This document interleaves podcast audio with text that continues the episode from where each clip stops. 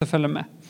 Eh, og Det er altså Hebreerne kapittel 10, fra vers 19 til 24.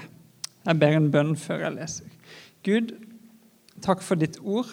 Takk for at du eh, ønsker å snakke til oss gjennom det som Bibelens forfattere har skrevet. Jeg ber om at du må komme med din ånd eh, i våre hjerter og åpne oss for det som står, eh, så det kan få lov til å eh, slå røtter i våre liv, sånn at vi kan bære frukt. Ok, da leser jeg kapittel 10 fra vers 19. Til å gå inn i helligdommen, dit Han har innviet en ny og levende vei for oss gjennom forhenget som er Hans kropp. Og siden vi har en så stor prest over Guds hus, så la oss komme fram med oppriktig hjerte og full visshet i troa. Med hjertet rensa for vond samvittighet og kroppen bada i rent vann. La oss holde urokkelig fast ved bekjennelsen av håpet, for Han som ga løftet, er trofast. La oss ha omtanke for hverandre, så vi oppgløder hverandre til kjærlighet og gode gjerninger. Da skal Fred Håberg få komme opp og dele litt om Beveg Oslo, om denne bibelteksten og det han har på hjertet. Tusen hjertelig takk, Eirik, for det, og for invitasjonen til å være her i Bjølsen misjonskirke. Jeg står på historisk grunn, skjønner jeg. Men eh, dere ser jo ganske friske ut, dere som er her. da, så eh, det er jo gøy når menigheter har fornya seg gjennom eh, de, den tid de har eksistert. Fred Hårberg, jeg er inne i mitt sjette år på mitt andre forsøk på å være fastboende i Oslo. Er det noen som har oppdaga det? At du må liksom bestemme deg? ja, Så jeg hadde en runde sånn i slutten av 90-tallet, og så et stykke ut i 2000-tallet, og så trakk vi vestover. Du hører jo jeg er sørlending. Det, en, du sa det forrige søndag, at det er en spesiell risiko at sørlendinger trekker vekk. Men uh, i alle fall så, så jeg har vært pastor en del år og var på Vestlandet i ti år. Jeg kom egentlig fra Lista. Traff jo folk fra Lyngdal og greier. Det er jo veldig gøy. Um, men kom tilbake igjen i Oslo da i 2016, og nå Nei da, men det er bra. Det er fint å bo i Oslo, er det ikke det? Ja, men det er litt både òg, da. Det er litt både òg, fordi at jeg oppdaga jo da Jeg er firebarnsfar, bestefar og fosterfar. Og Du har unger og du har mange greier, og det er mange hensyn å ta. Og det er mye med det å bo i Oslo som det kan sies forskjellige ting om. Men det jeg syns er så fint med denne settingen og denne temaserien, er en sånn håpefull tilnærming om at vi som er her, ikke bare bor sånn inntil videre, eller vi er her på en sånn mellomgreie, men uh, er vi i Oslo, så vil vi tenke at vi bor i Oslo. Og bor vi i Oslo, så vil vi tenke at vi er sendt til Oslo. Er vi sendt til Oslo, så vil vi tenke at vi må jo se om det er noe vi kan engasjere oss i for å søke fred for byen. og Begynner vi å tenke sånn, så er vi plutselig inne på temaet med å bringe tro, håp og kjærlighet til Oslo. Det høres veldig fint ut. veldig fint, og det kan også samtidig bli veldig svevende. Jeg hadde lyst til å be en bønn til starten på det jeg skal dele. Si bare sånn at du vet det. I tillegg til at jeg er da lokalpastor i Sentrumskirken i Strømmen, rett utenfor byen, så er jeg i en liten stilling en dag i uka som type koordinator i det som heter Beveg Oslo. Kommer tilbake til det. Takk, Jesus, for at du er her. Takk for det gode som du har gjort allerede i denne gudstjenesten, og takk at du også er oss nær når vi ser inn i ditt ord, og når vi også forsøker å dele noe ifra hjertet. Takk at du velsigner hver eneste som er her, i Jesu navn. Amen. Beveg Oslo er et arbeid som jeg vil komme litt inn på, men nå kunne jeg faktisk blanke den ut. Iallfall var det noen som mente at hvis jeg slo den på, så ble det mulig. Så da prøver jeg det. Da forsvant den. For Jeg har lyst til å si litt om bibelteksten først. Eirik las at vi har derfor frimodighet til å gå inn i helligdommen. Om dere la merke til det? Eller så har vi da. Og Det fantes en kjent afrikansk bibellærer som heter Andrew Murray, som skrev en bibelkommentar over hebreerbrevet. Ikke sikkert det er din favorittbok, jeg vet ikke om det er liksom daglig lesning. Men hebreerbrevet kan være litt vanskelig tilgjengelig. og Han skrev en bibelkommentar. Han delte den i to volumer, eller to liksom bind, og sa det at den første delen den går fram til kapittel 10, vers 18. Og Den forklarer konsekvensen av hva det Jesus gjorde på korset, har å bety for oss. Alt med det gamle liksom, testamentet og alle forbilder og alt som dette i, i gammeltid var en slags avskygning av, eller skyggebilde på, som fikk sin oppfyllelse i Jesus. Han som med sitt eget blod gikk for Gud og bar fram et fullkomment offer som en gang for alle har gjort opp med all verdens synd. Og så liksom Hele dette første liksom, delen i hebreerbrevet er en forklaring på hva, hva, hva, har skjedd gjennom Jesus? Men i kapittel 10, vers 19, så kommer på en måte anvendelsen. Konsekvensen for oss. Ja, hva skal vi gjøre med det, da? Ja, hva skal vi gjøre med Det da? Det vil jo alltid være spørsmålet som alle mennesker sånn sett trenger å på en måte ha et forhold til. Ok, han, Jesus har gjort alt som det beskrives. Hebreerbrevet prøver å forklare liksom, hva som har skjedd. Og så blir jo alltid spørsmålet ja, men hva skal jeg gjøre med det? Oppfordringen her er at vi skal på bakgrunn av det Jesus har gjort, med frimodighet gå inn i helligdommen. Igjen et vanskelig uttrykk. Enkelt forklart veien til Guds nærvær har gjennom Jesus blitt fullstendig åpen, sånn at vi, vanlige mennesker, syndige som vi så mange ganger føler oss, nå kan komme inn i den allmektige Guds nærhet med frimodighet. Det er jo ganske så utrolig, er det ikke så? Så vet ikke om du la merke til at eh, disse tre ordene som er tema i dag, de fant vi i teksten. Ja, skyld på Eirik. Han sa at vi skulle ha undervisning. Nå vet jeg at Søndag skal man jo ha fri. Da skal man ikke drive verken med studier eller skole. Når jeg var liten ung, så gjorde man iallfall aldri lekser på søndag. Sånn var det jo. Da var det fri. Jeg har noen hjemme som driver og gjør lekser på søndag, så jeg skjønner at sånn er det ikke lenger. Men her er vi, og samtidig prøver vi å la oss undervise. Og tre ord i teksten Det står om at la oss med frimodighet gå inn i troens fulle visse. Der var det første ordet tro. Og så holde fast på Hva vi skal holde fast på? Håpet. Ok, Da sier det siste seg sjøl. Jeg vet at jeg er pinsevenn, og pinsevenner snubler noen ganger litt på oppkanten i sånne menigheter som er vant med å være litt mer forsiktig i, i tilropene. Så, men da kan dere skrive det på den kontoen. Han er pinsevenn. Jeg har hørt det før. Så, men vi klatrer ikke i gardinene uten at de er spesielt sterke. Nei da, det var en spøk. Eh, så det er tro der. Det er håp. Og så er det kjærlighet. Og så høres det noen ganger bare opp, ut som en oppramsing. Og det å være sendt med tro, håp og kjærlighet Det høres ut som en teksten på et fint smykke eller en, en badge eller en, en, en logogreie. Et eller annet, liksom. Og, og, og, vi får ikke helt tak på det. Og derfor så Det første jeg hadde lyst til å si i det jeg, hadde, det jeg skal si til dere, er at før vi tenker på å dra av gårde eller liksom sendes noe sted, så må vi bare stoppe litt for hvor er det vi får tak i det vi skal gå med? Når vi snakker om å være sendt med tro, håp og kjærlighet, ja, hvor finner vi det, da? Er det bare en sånn fin, poetisk beskrivelse av noe vakkert? Nei, Denne teksten gir en sammenheng og forklarer at gjennom det Jesus har gjort, så har Gud åpna vei inn i sitt eget nærvær.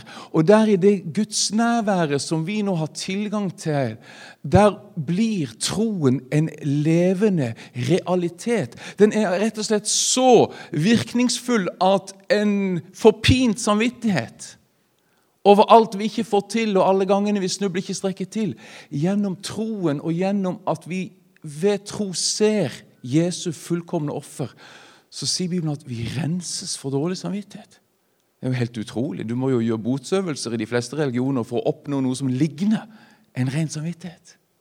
Men troen er en sånn utrolig gave at når vi ved troen tar imot den fullkomne frelsen, så kan vi som mennesker som føler oss så mange ganger så feilende og famlende, vi kan likevel i Guds neve oppleve oss rensa, omfavna. Og dermed blir ikke troen bare teori. Troen blir som det som åpner hele dette landskapet av fellesskap med Gud. Har man en levende tro som har erfart å bli rensa få en ren samvittighet, ja, men da har jo troen gjort en forskjell. Da ble jo troen noe levende. Da ble jo troen noe som gjorde forskjellen. Jeg, jeg, jeg gjorde jo ingenting sjøl, jeg fikk bare ta imot. Det er en hemmelighet i at troen har blitt en erfaring. Skal vi gå med tro, håp og kjærlighet, ja, men er troen mer enn bare eh, en teori eller en liksom Hebreerbrevet inviterer oss til gjennom Jesu offer å erfare hva det vil si å komme Gud nær, og på den måten at vår tro er en erfart, levende virkelighet som, som gjør at vi faktisk har et vitnesbyrd. Vet du hva? Jeg får være Guds barn. Jeg er jo en jeg er ikke alltid mye å skrive hjemme om, men jeg får være et Guds barn. Jeg får være et Guds barn. Jeg får ha et forhold til Gud. Jeg får komme hver gang, hver dag, uavhengig av form. Og så får jeg erfare at Gud har tatt imot meg. Troen har åpna det. Og så får vi en erfaring sammen med tilliten i Guds ord og noe å gå med. Så står det også at håpet må vi holde fast ved. Og Det håpet er jo det håp som Kolossene Kolosserne 1,27 beskriver at kommer av evangeliet. Jeg kan ikke si veldig mye om det, men du vet, håpet, hva er det? Håp at eh, det skal gå litt bedre i morgen enn i dag. At Oslo skal bli en fantastisk by. Ja, men Mange sånne fine ting kan vi håpe på. Men håpet er at Jesus han har vunnet seier. Og Bibelen gir oss en virkelighetsbeskrivelse som ikke er så lett å få øye på rundt oss at stemmer, bare hvis vi liksom gransker virkeligheten. Men den har samtidig gitt oss et håp, en forestilling om at som Jesus seira over synd og død på korset og sin oppstandelse, så skal en dag hans storhet og herlighet prege alle relasjoner. Alle nabolag, alle nærmiljøer, alle mulige Sammenhenger, sier Bibelen, skal en dag fylles med kunnskap om Guds herlighet, som vannet dekker havets bunn. Vi bærer altså et håp i oss, og ikke bare om bedre tider, men om at Gud skal en gang gjøre alle ting nytt. Det er ganske kraftig. Det er ganske voldsomt. Det sprenger alt vi egentlig tør nesten å håpe på. Men har du vært hos Gud, har du vært i Guds nærhet, så får man liksom et håp som ikke bare er ønsketenkning. Du bærer en forestilling om noe. Og du vet, Er du litt sånn ivrig og gira og du liksom syns du har en positiv forventning, så hender det at folk liksom merker det. Altså, Vi har noe å gå med, og så får man også da kjærlighet. For vi omfavnes av Guds kjærlighet. Vi blir elska. Kjærlighet er ikke først og fremst en prestasjon, men vi elsker fordi Han elsker oss først. Poenget med andre ord at når vi vil gå med noe, hvor er det vi henter det? En sammenheng. Jeg mener, Er du en postbud, så kjører du ikke bare av gårde med bilen eller elbilen. Inn på sentralen først. Få med det du skal bringe ut. Så enkelt budskap som det at skal vi sendes med tro, håp og kjærlighet, så må vi vite hvor er det vi henter det. Hvor er det det blir levende for oss? Hvor er det det blir mer enn bare en teori eller et forsøk på å være litt sånn skikkelige? Bibelen sier at Jesus har åpna veien til der vi kan få del i og kjenne at dette blir virkelig. La oss derfor gå inn. Fin utfordring. Skal vi ta oss med den til start? Ok. Det var det første punktet. Hvordan ligger vi an? det andre er at eh, når vi da har vært et sted og har henta noe, så er det greit å reflektere litt rundt hva betyr det at vi, har, vi er bærer av troa på kjærlighet. Og det tredje det er ja, men er vi sammen med noen i dette oppdraget. Og Jeg har lyst til å si litt om punkt tre først, og så kommer jeg bare helt tilbake til avslutning med punkt to. Og Da skal vi si litt om hvem er det vi gjør dette sammen med når vi er utsendt. Og Det er Beveg Oslo.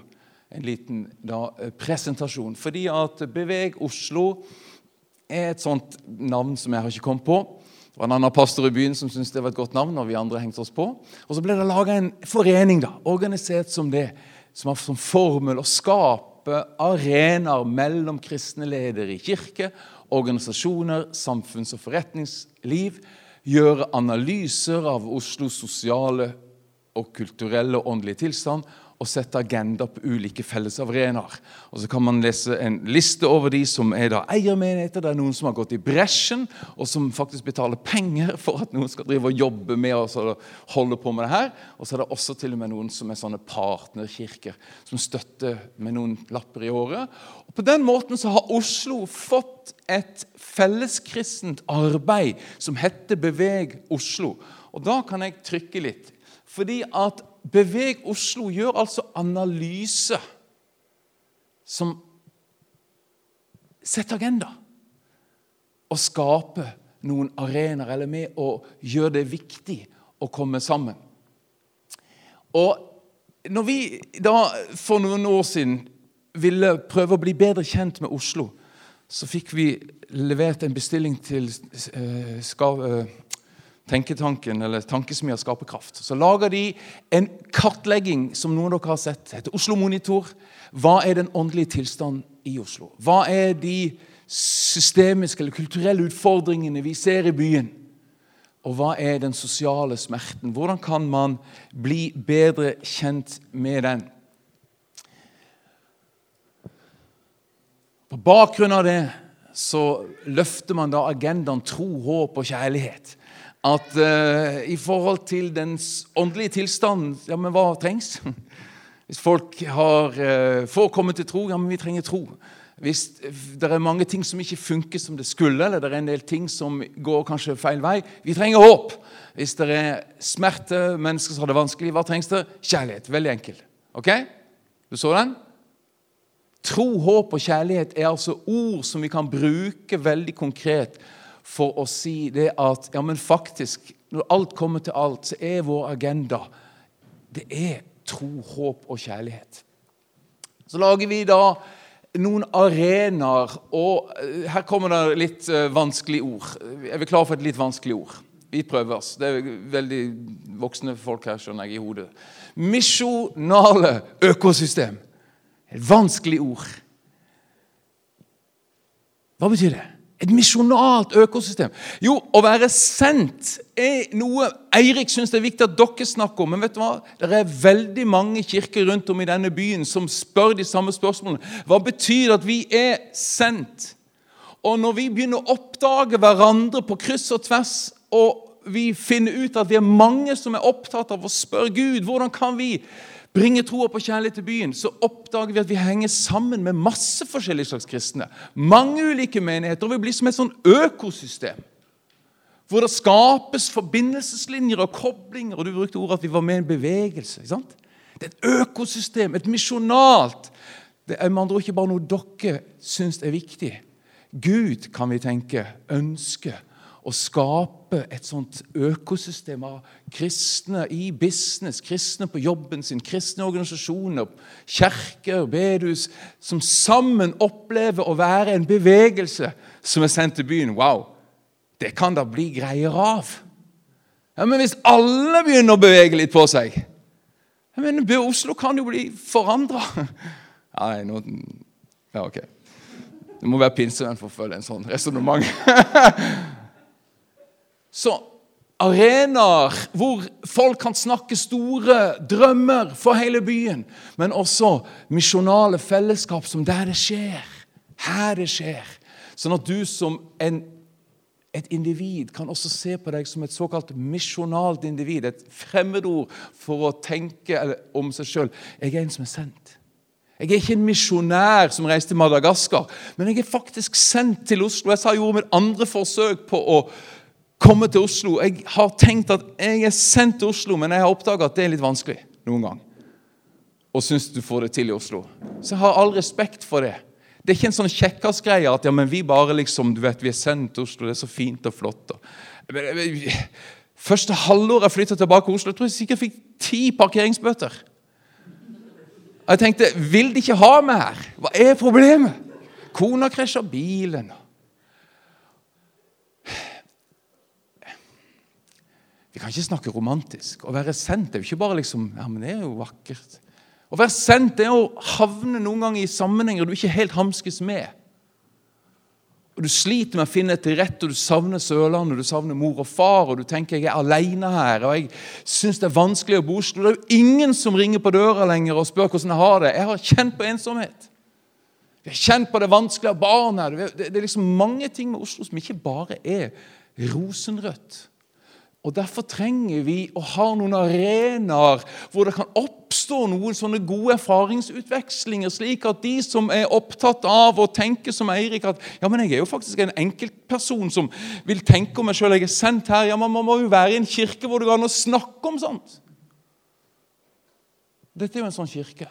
Og så sier jeg ja, men det er faktisk et større miljø hvor mange kirker snakker om sånt. Og så kan det skapes noe og bevege Oslo, prøve å lage litt sånn infrastruktur for at det skal være mulig å få til sånne arenaer. Hvis jeg er litt kjapp på det litt konkrete ja, Da tror jeg jeg mista forbindelsen kanskje her, eller gjorde jeg det? Ja. Vi prøver en gang til. Kan du bare trykke neste? Der, ja. Den har jeg referert til. Den viser neste at det er ting som vi kan la oss utfordre av. og Jeg skal ikke gå igjennom alle de detaljene som står der, men det er altså ting med den åndelige tilstanden, med de systemiske utfordringene og med den sosiale smerten som vi har kjent oss utfordra til å la bli til agendaer. Og Hvis du tar neste, så ser vi at for Beveg Oslo så har det konkret resultert i at vi nå drar sammen ledere fra ulike sammenhenger i læringsarenaer. Hvor da man ser ja, men det trengs flere kirker på nye steder. Kirkeplanting må være et sånt miljø hvor folk som er opptatt av kirkeplanting, kan snakke sammen, uavhengig av hvilken kirkelig sammenheng man har. De som er opptatt av bønn, kan finne hverandre om de ber på den eller den måten. De som ser at ja, det er jo i arbeidsmiljøet jeg bruker det meste av tiden. Hvordan kan jeg leve et misjonalt liv der Gud har satt meg? Tro og arbeid er en læringsarena. Ta den andre til venstre. Et hakk til venstre tilbake. Vinne og bevare. Et fram. Der, ja. Eh, eh, mange som vokser opp i Oslo, de eh, glipper i overganger. Vi har læringsarenaer hvor ledere snakker sammen om barne- og ungdomsarbeid, disippelgjøring. Hvordan kan vi vinne nye? Hva funker? Er ikke det bra? Er alfakurs bra? Kan vi gjøre sånn? Og så har vi en i forhold til det med utenforskap som er et stort og viktig tema. Og Hvis du da tar neste, så er noe av det du kan be om hvis du ber for Beveg Oslo, det er at ledere over tid kan oppleve at vi spiller hverandre gode. Vi har alle et felles oppdrag om å bringe tro, håp og kjærlighet til byen, og vi må stå sammen. Vi må rett og slett Sørge for at det skapes et sånt økosystem hvor vi får næring og vi vokser av at vi deltar i en felles drøm. Neste viser noen av de arenaer som Beveg Oslo prøver å lage. Hver torsdag så møtes der noen pastor. Du er også velkommen, Erik, men det passer kanskje ikke med liksom småen og sånt der. Hver torsdag fra 9 til 10 møtes der en 10-12-14 pastorer fra mange ulike sammenhenger til bibel og bønn. Ber for hverandre, ber for byen. Vi har en lederdag som kommer opp nå om ikke lenge, hvor du også er velkommen til å komme. Og vi har læringsarenaer, og vi er med på mange andre ting også. Neste bilde. Den skal vi få lyd på. Så skal jeg si litt om et konkret satsingsområde som Beveg Oslo har forsøkt å løfte som et behov i byen. La oss se den videoen.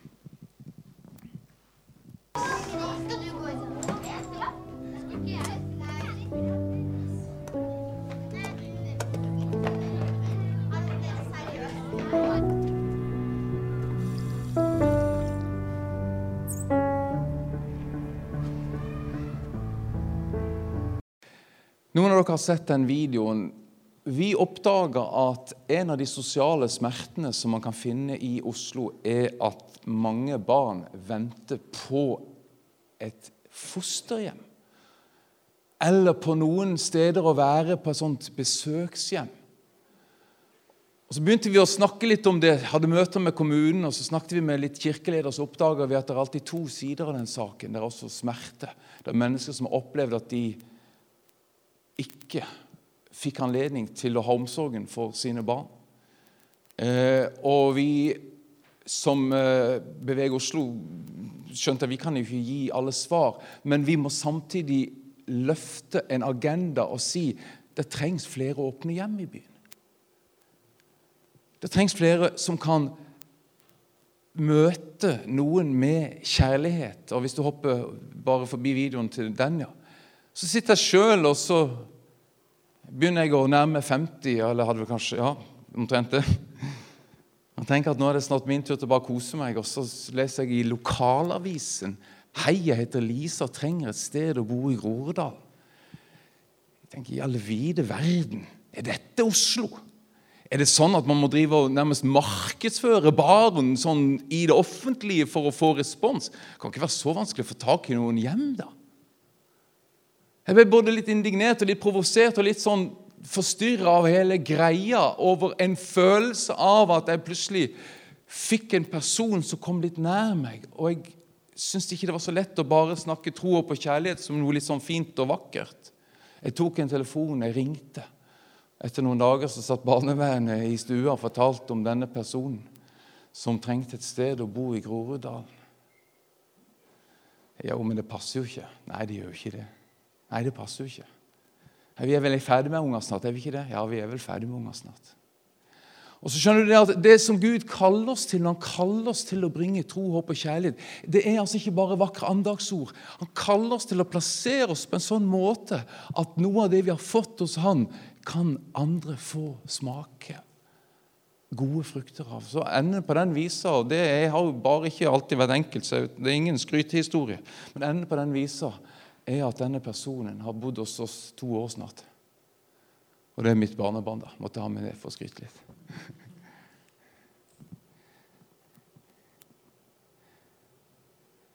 Altså har vi sagt som et fellesarbeid så kan vi prøve å løfte noen agendaer som gjør at mange kan oppdage at samtidig med at man har et fint liv og man er i Oslo, så kjenner man liksom at kallet slår til. Jeg er jo sendt til denne byen. Jeg må begynne å se meg rundt. Hva er det Gud vil bruke meg til mens jeg er her? Hvordan kan jeg faktisk med mitt liv gjøre en forskjell? Neste bilde viser bare Du klarer ikke å lese det engang, men jeg bare sier at det er mange måter man kan ta del. Du kan være en støttekontakt, du kan være et besøkshjem. Det kan være en familie i denne kirka som sier men vi vil bli et fosterhjem. Og så kan hele kirka si men vi vil stå sammen om å gjøre det mulig. Eller på andre vis. Med andre ord Eirik har latt meg skjønne at det er ikke teori det vi holder på med. Det er ikke bare vakre andakter vi vil holde, men vi vil kjenne at Gud han faktisk kaller oss til å sette oss på en sånn måte tilgjengelig for Han at vi kan være med å formidle tro, håp og kjærlighet. Er det greit? Det er det som det handler om. Kjærligheten gjør vondt. Kjærligheten må elske når det er vanskelig. Troen kan famle. Og vi kjenner mange ganger at kjære, skal jeg vitne? Jeg vet nesten ikke om jeg tror sjøl.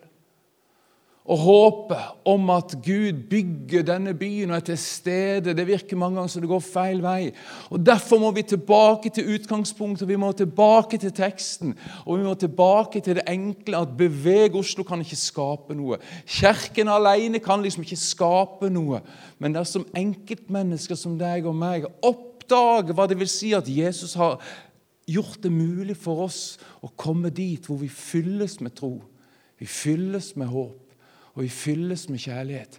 Da blir utsendelsen noe som det, det, det henger liksom litt på greip.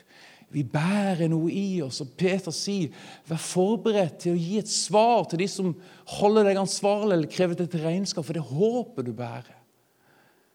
Tenkte kanskje jeg ville si det sånn som det her at når det gjelder tro, håp og kjærlighet Jeg skal avslutte med det som en slags replikk. Så er det mer enn fine ord. Det er en form for materie, det er en substans. Det er noe reelt.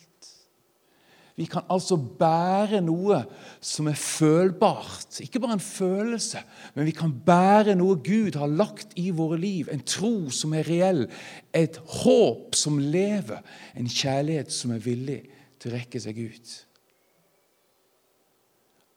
Som individer så sendes vi ikke tomhendte. Vi har noe med oss, men vi må vite hvor vi henter det. Som kirke så er tro, håp og kjærlighet det er selve musikken vi spiller og byr opp til dans med. Det er dette det handler om. Det er derfor vi er her.